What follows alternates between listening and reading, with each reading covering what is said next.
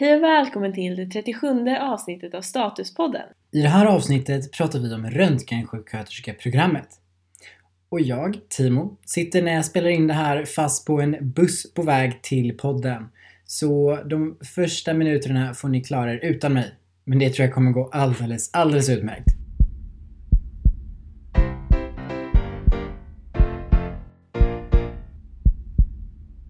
Med oss i det här avsnittet har vi Anastasia som pluggar röntgensjuksköterskeprogrammet termin 5.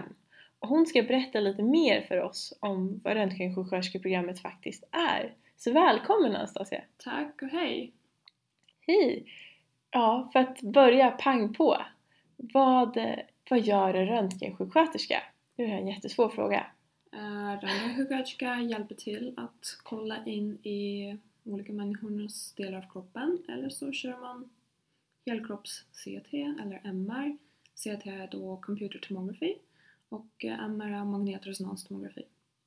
Så för att eh, liksom ja, spräcka några av myterna som finns så är inte alltså röntgensjuksköterska samma sak som en vanlig sjuksköterska? Nej precis, och vi får höra det ganska ofta på våra respektive VFUer att röntgensjuksköterska, är det en vanlig sjuksköterska som eh, bara pluggar vidare till och lägger på röntgen? Nej, det är det inte.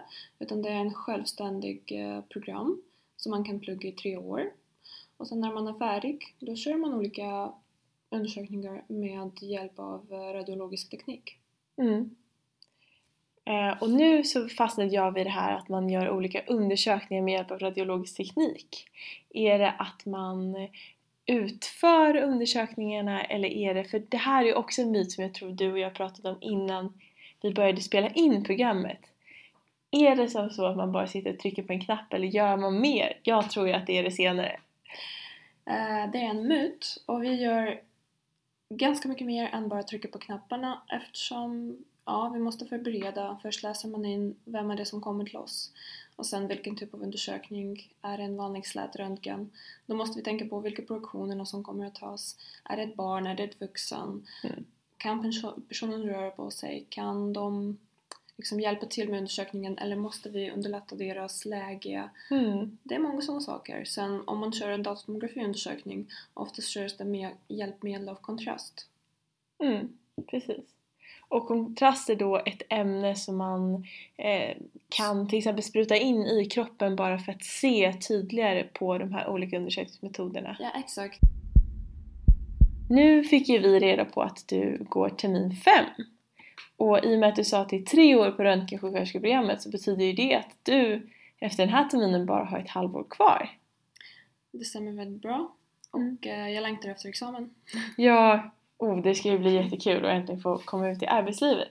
Men innan dess så skulle jag jättegärna vilja att du kanske förklarar lite vad, vad läser man eh, för kurser liksom när man pluggar röntgensköterskeprogrammet? Det är ju tre år. Vad, vad består de här tre åren av? Ja, och vi lär olika delar uh, av uh, vad kan vara bra att veta när man börjar jobba. Uh, vi börjar med vår, våra praktiker ganska tidigt. Redan på termin ett går vi vårt första VFU och mm -hmm. ser bara hur är läget. Uh, detta hjälper till ganska många att få en uppfattning vad yrket innebär. Mm. Uh, så vissa kan kanske få den där styrkan att köra vidare klart till examen eller så kanske man tycker inte ens om yrket. Mm. Så har de möjligheten att byta ifall de har kommit på flera program exempelvis. Mm. vi har VFU varje termin så Just nu gick jag mitt VFU5 och sen är VFU6 kvar nu. Eh, samtidigt så läser vi radiografisk metodik, eh, vilket är också uppdelat. Det går en gång per år, så vi har haft det varje år. Eh, vi har röntgendiagnostik, tre delar också. Och mm. just nu går vi den sista biten, röntgendiagnostik 3, där vi kollar på olika bilder, hur man kan se patologierna som framträder på bilderna. Eh, på vilket sätt kan man då avbilda dem? Vilka modaliteter passar bättre? Mm. Och då om jag får pausa och förtydliga så VFU är ju då verksamhetsförlagd utbildning och det är ju praktiken. Mm. Och vad är modaliteter för någonting? Modaliteterna är hur man jobbar på röntgen. Okej. Exempelvis har vi en konventionell röntgen. eh, där är det bara slätröntgen Mm. som kanske alla kan relatera till lungröntgen, knä, handled, tumme. Till exempel om man bryter någonting så Mm. brukar man få göra en sån röntgen för där Mm. syns ju ben bra. Precis, Mm. det stämmer väldigt bra. Sen har vi datatomografi där man ofta kör med kontrast eh, som Mm. innehåller jod vilket gör att det attenueras bättre i bilden så vi Mm. ser olika kärl eller om det finns någon propp. Eh, då är det båda två dessa modaliteter. Då handlar med, har med strålning att göra. Sen har vi olika modaliteter som har inte med strålning att göra, exempelvis magnetresonanstomografi Mm. eh, som då körs med hjälp av signaler och Mm. en stor magnet. Och Mm. jag kommer inte gå in på den där fysiken bakom denna eftersom om vår lärare hör vad jag säger här kanske hon får panik. Nej, hoppas jag inte. och sen så har vi ultraljud, mm. eh, vilket då kan man inte köra själv utan det är en sonograf i så fall och det är en Mm. påbyggnadsutbildning som man kan plugga vidare ifall arbetsgivare tycker att de behöver fler, flera sådana sonografer i deras Mm. verksamhet. Och ultraljud då, det är ju att man går med en liten eh, prov heter det. Ehm, och man kan, har ofta sett det kanske på film när någon har varit gravid. Så sätter de en sån gel på magen och så kan man liksom se in i magen. Så det är ju den. Men det är ju ett jättestort område. Så jag förstår ju att det är en påbyggnadsutbildning. Det är det och Mm. eh, den används inte bara för gravida kvinnor utan även för kärlutredningar och på angiografier. Mm. Ifall man vill börja sticka med Seldingers-tekniken då kollar man först med ultraljud för att hitta den bästa insticksstället. Mm. Insticksstället! Ja, insiktsstället. Mm. Ja. Ehm, För då kan man ju se kärlen då när man sticker med nålen, eller hur? ja. Först bedövar man, sen sätter man in nålen, sen förs in katetern och sen ja, Mm. går det vidare. ja. Ehm, sen finns det mammografi. Mm. Och den är återigen en modalitet med joniserad strålning ehm, där man då ser hur bröstet ser ut. Inte bara kvinnor utan även män undersöks ibland. Så Mhm. det är ganska, eller det är inte så vanligt men även män kommer fram. Mm, Okej. För det vet jag, för det jag vet om mammografi är att man efter en viss ålder blir kallad för att kolla av sina bröst för att motverka ja, men bröstcancerutveckling. Ja. Ehm, men ja, även män alltså går på mammografi. Ja men då lärde jag mig också någonting nytt nu. Men du berättade lite att man läser lite om röntgenmetodik och lite hur det funkar. Är det, när jag tänker röntgen och hur det funkar Mm. så tänker jag på fysik. Mm. Är det mycket fysik och mycket teori så eller vad är det man pluggar? Eh, Den mesta fysiken som vi fick, fick vi genom radiografisk metodikkursen och då går Mm. man bakom, alltså hur kommer den där bilden fram? Mm. Vi går igenom och vi börjar med atomerna och protonerna och Mhm. kommer fram till hur en bild har skapats. På Mm. alla olika modaliteter som är de vanligaste framkommande. Men vi även går in på nuklearmedicin, Okej. vilket då är ett lite tvärtom modalitet. Eh, och jag säger tvärtom eftersom man sprutar in den där joniserade strålningen, eller Mm. så kallad strålningen, in i patienten. Det kallas för radioaktivitet ämne. Mm. Och då är det patienten som strålar ut. Mm, Och då fångar kameran de där um, skint, skintigrafi betyder att man då får en bild där det kommer olika sådana svarta prickor.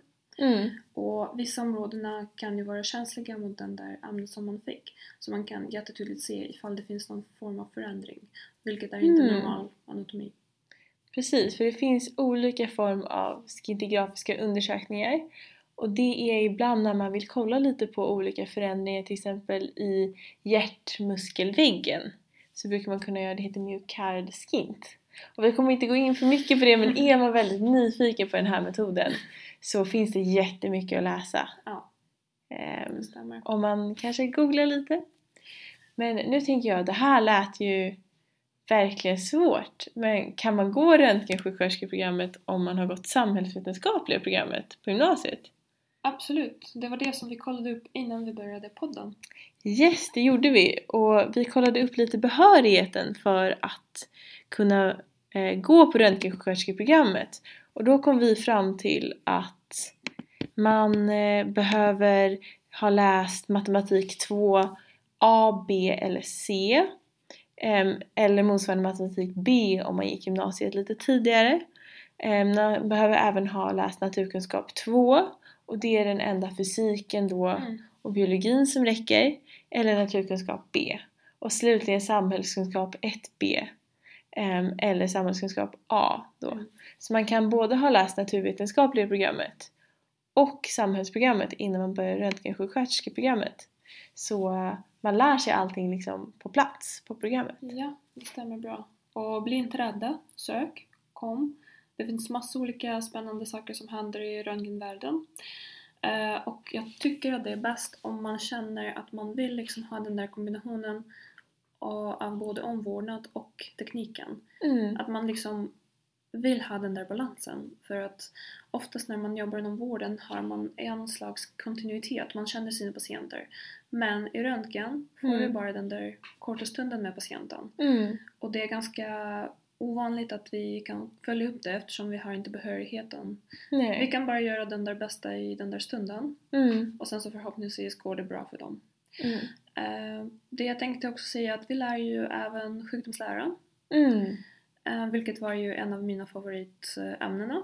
Mm. Eftersom man Vad lär ganska mycket om kroppen, hur det fungerar. Och såklart anatomi och fysiologi, det är A och O. Man måste känna anatomi utan till.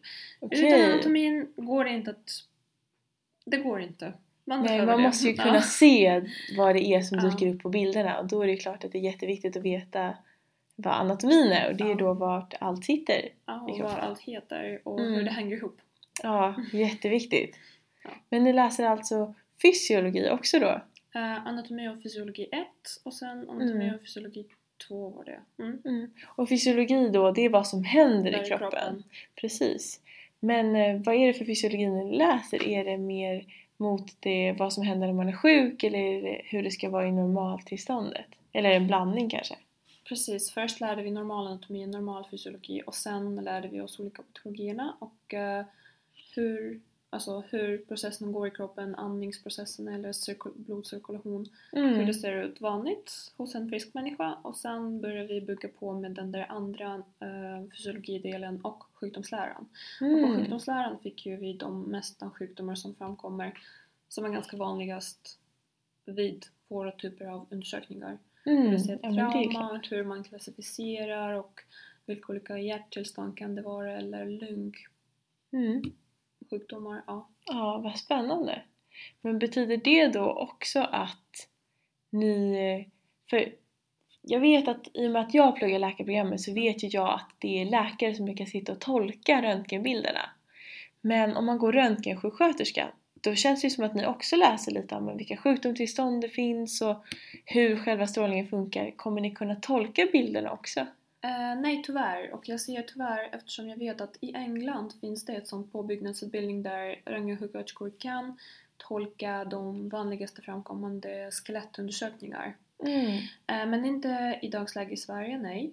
Eh, Däremot måste vi kunna känna till akuta tillstånd och vi Mm. måste läsa av ifall det finns någon lungemboli eller um, propp någonstans som sitter så vi kan bara tipsa att kanske vi måste tillkalla en läkare för att kolla på den där akuta tillståndet, se hur patienten mår men off- det är ju ganska självförståeligt att man liksom måste se patienten. Mm. Man måste Ja sätta patienten klart. i fokus. Ja. Mm. Eh, men vi har jättebra kommunikation med radiologerna Mm. som då kommer hjälpa till ifall vi har någon fråga eller ja, vi måste alltid ha en bra dialog med dem eftersom Mm. Ja, vi går hand i hand. Mm. Ja men det är ju ett väldigt nära samarbete då. Ja. Eh, Men hur är det när man gör själva undersökningen? Nu kanske det är några som lyssnar som redan vet hur det känns och kanske åka in i en sån här stor tunnel som det blir när man är en magnetkamera. En sån stor rund magnet. Är det alltid en läkare där eller är det kanske så att man bara träffar röntgensjuksköterskor? När man gör en sån enkel undersökning som bara kanske röntgen av benet? Ja, bra fråga. Eftersom jag har gått praktiken mest här på NKS Mm. då oftast finns det någon radiolog i närheten någonstans. Men det är inte oftast så, utan om det är en vanlig undersökning, när patienterna kommer brukar de oftast träffa bara röntgensjuksköterskan Mm. och eh, då berättar röntgensjuksköterskor hur det ska gå till. Att man ska ligga i tunneln en stund. Mm. Att de kommunicerar via mikrofon och de sätter på hörlurar så det ska inte låta så högt, eh, vilket det brukar göra på just magnetkammarundersökningar. Mm. Och eh, ja, ibland sprutar man in kontrastmedel som kallas för gadolinium men Mm. ibland gör man inte det. Det beror helt enkelt på frågeställningar och vad är det man undersöker. Ehm, ja, Mm. För jag tror att det är en sån vanlig myt att man tänker att man alltid träffar en läkare när man gör olika undersökningar. precis. Och att när man blir omhändertagen så blir man omhändertagen av en sjuksköterska. Men röntgensjuksköterska som du sa innan, det är ju lite både och. Ni både tar hand om patienten när de gör de här undersökningarna och ni utför dem också. Ja, precis. Det stämmer Mm. jättebra. Och just nu pratar jag bara om de där undersökningar då röntgensjuksköterska är behörig att utföra undersökningen. Det vill säga att om man kommer på en interventionsavdelning olika angiografiska undersökningar och behandlingar då är det oftast radiologer och kärlkirurger som utför självaste undersökningen. Men det är röntgensjuksköterskor som assisterar och finns där och tar hand om både patienten och tekniken och ja, finns tillgängliga. Precis, man ser er röntgensjuksköterskor då alltså också på olika, ja men typ som operationer eller eh, interventioner precis som du Mm. sa. Där det både är en läkare eh, som behöver göra någonting men man behöver liksom en röntgen för att kunna se eller kunna förstå någonting. Ja, det stämmer. Och det oftast finns en röntgensjuksköterska vid akuta situationer där det finns en traumalarm. Då körs ju en lungröntgen vanligtvis. Mm. Vad coolt! Det är så himla mycket ni får göra för jag blir också lite taggad nu när jag sitter och lyssnar. Och eh, nu har vi även med oss lite förstärkning. Timo är tillbaka efter Ja. trafikkaoset. Ja. Eh, ja, så, ja, jag kommer ju från Huddinge eh, och då finns en buss mellan Solna och Huddinge eh, som ibland går jättesmidigt. Ja. Och idag gjorde den inte det. Det var mycket köer på vägen. Jag hade en patient precis innan jag, som gjorde att det slutade senare än planerat som tog lite längre tid. Mm. Men nu är jag här. Ja, och på tal om Huddinge då. Eh, vart är det man läser röntgensjuksköterskeprogrammet? Var är man mest när det gäller det teoretiska? Eh, Då är det Campus Flemingsberg och det ligger precis i Huddinge. Mm. Och eh, VFU, praktikplatserna är lite spridda och det beror på vart man bor någonstans. De försöker anpassa det efter att man ska inte gå eller åka så pass långt bort hemifrån. Vad trevligt! Det önskar jag att vi hade. Ja, Ja, men jag vet inte hur många, hur många studenter är ni? För att vi är bara 38 stycken just nu. mm. Kan vara det. Vi är Ja. 140-150. ja. Så det är klart, det finns ju inte platser för alla Mm. i deras hem. Men vad skönt att det är så för er. Vart är du då mest på, NKS. på Solna? Yes. Mm. Och det här leder oss osökt in på lite statistik. För hur många är det egentligen som söker röntgensjuksköterskeprogrammet? Ehm, vad vi har fått reda på så är det ganska många som har sökt. Mm. Det är 108 nu för höstterminen som har sökt som förstahandsval. Bara till KI? Ja, bara, Bara till till KI. KI. Mm. Ehm, och i urvalsgrupp B1 så behöver man ha 15,30 ehm, i merit och i B2 behöver man ha 16,89 och på HP behöver man få 0,50 för att komma in då. Ehm, men det verkar ju ändå som att det här är en väldigt populär utbildning. Hur många är det som kommer in? Är det 38? Eh, jag tror att vi har varit nära 60 i början. Mm. Ja, det ser ut som det på det statistiken. Yes. Ehm, så då är det ju som med alla universitetsprogram, att vissa faller bort. Men då är det Mm. som du sa från början, man har ju praktik ganska tidigt inpå. Ja. Så man kanske känner av då om man hamnat rätt. Ja, och vissa har ju en förhoppning att man kan sen plugga vidare eller bygga på och bli radiolog. Vilket är också en myt eftersom Mm. läkarprogrammet, Mm. ni vet själva, läkarprogrammet är ett separat program och sen går man allmän tjänstgöring och sen går man ST-tjänstgöring. Mm, Mm. Exakt. Röntgensjuksköterska kan bara gå magister. Ja. Mm. Men det jag ska säga för att slå ett slag för röntgensjuksköterskor ändå är att nu när jag, eh, när vi, jag och Anastasia har suttit och diskuterat ehm, så har jag insett att ni kan så mycket mer om själva undersökningen än vad vi kommer göra, jag och Timo, när vi gått klart vår Mm. utbildning. Eh, men om vi blir radiolog så kommer vi ju komma ikapp. Förhoppningsvis. Ehm, har ni pratat någonting om specialiseringar? Nej, det har vi inte. För du nämnde ju nu eh, att man kan läsa en magister. Och det är ju att man fortsätter på universitetet utöver de här tre åren som är grundutbildningen. Ja. Hur vanligt är det att man specialiserar sig? Det är nog inte så vanligt. Det är inte ett regel att alla går vidare till magister, men de som, som känner för det, Mm.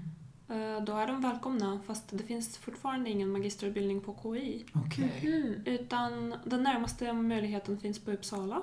Mm. Och där pluggar man två år heltid. Mm. Och då går man närmare till DT, MR och nuklear. Mm. Så man kan specialisera sig inom de modaliteter. Mm. Okej. Precis. Och du nämnde någonting om att man kunde plugga vidare lite med ultraljud. Är det också en magisterutbildning? Då? Nej, det är en utbildning som måste komma från arbetsgivaren. Mm. Okej. Där, där de känner behov av sonografer, det vill säga eh, specialister som kan köra ultraljud Mm. utan ingrepp. Jag misstänker att de kör fortfarande inte dränage och inte någon ingrepp på patienten. Mm. Utan det är bara att kolla Ja. och få fram bilderna och få fram Mm. undersökningar. Då kan man gå den där påbyggnadsutbildningen. Mm. Det är en sån påbyggnadsutbildning som man får. Mm. Okej. Mm. Men det låter ju lite som när vi pratade med BMA-studenterna för Ja. väldigt länge sedan. Att det också, de fick ju också mycket vidareutbildningar från arbetsgivaren. Mm. Mm. Ehm, Så det är nog kanske lite lika där. Precis. Och deras eh, avsnitt länkar vi i beskrivningen av podden. Så om man nu då är lite nyfiken på röntgensjuksköterskeprogrammet men inte riktigt är säker på vad liksom det innebär i framtiden. Kan inte du berätta lite vart det är man hamnar när man är exad? Ja, man hamnar på röntgenavdelningar på större eller mindre sjukhus. Eh, Mm. Man kan inte riktigt eh, hamna på privata aktörer direkt eftersom de kräver mer erfarenhet. Mm. Mm. Men en stor akutsjukhus är en, nog en bra början för att där finns oftast de flesta modaliteterna. Mm. Ja. Där kan man rotera, den kan man lära sig och oftast olika patientgrupper som man kan träffa.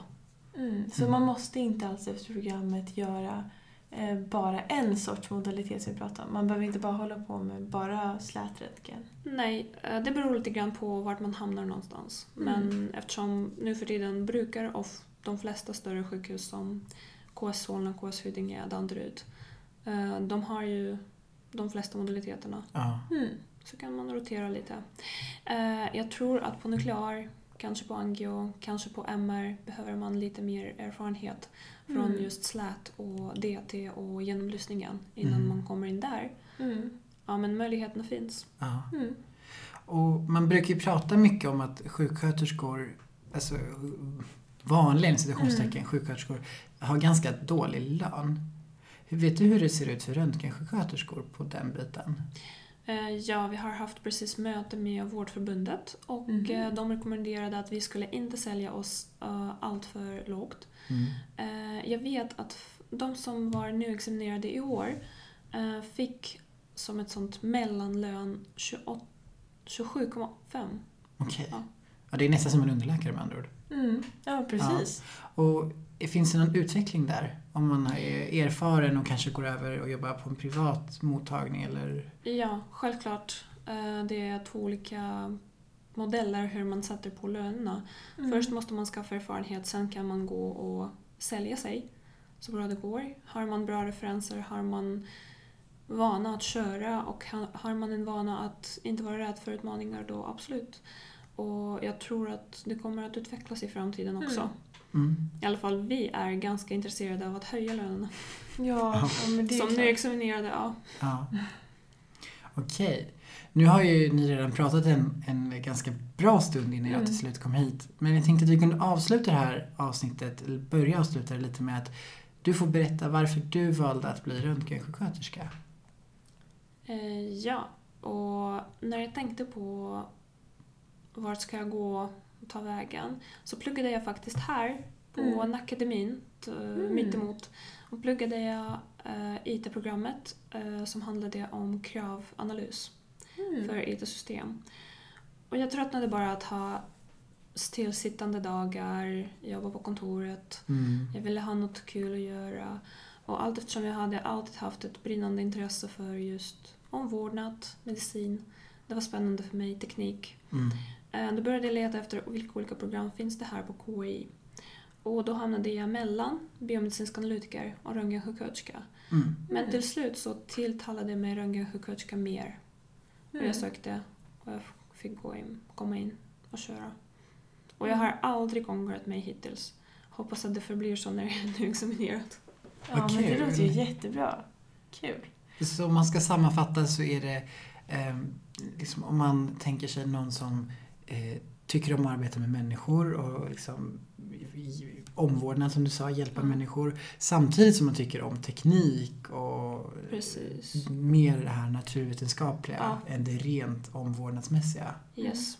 Ja. Och man får ju även med sig det medicinska verkar som. För vi sa ju att ni läser ju lite anatomi och fysiologi och Mm. lite om de här vanligaste akuta sjukdomstillstånden. Precis, och vi har en tenta som man måste ha 100% rätt på och det heter Mhm. läkemedelsberäkning. Mm. Där kan man inte göra fel. Men den där tentan kan man omtenta hela utbildningen ut och den Mm. kommer ganska ofta för att ja, det är svårt med matte. Mm. Gör man ett misstag så blir det 99 och det räcker inte. Nej. Mm. Wow, så det är tufft. Men det verkar också väldigt kul.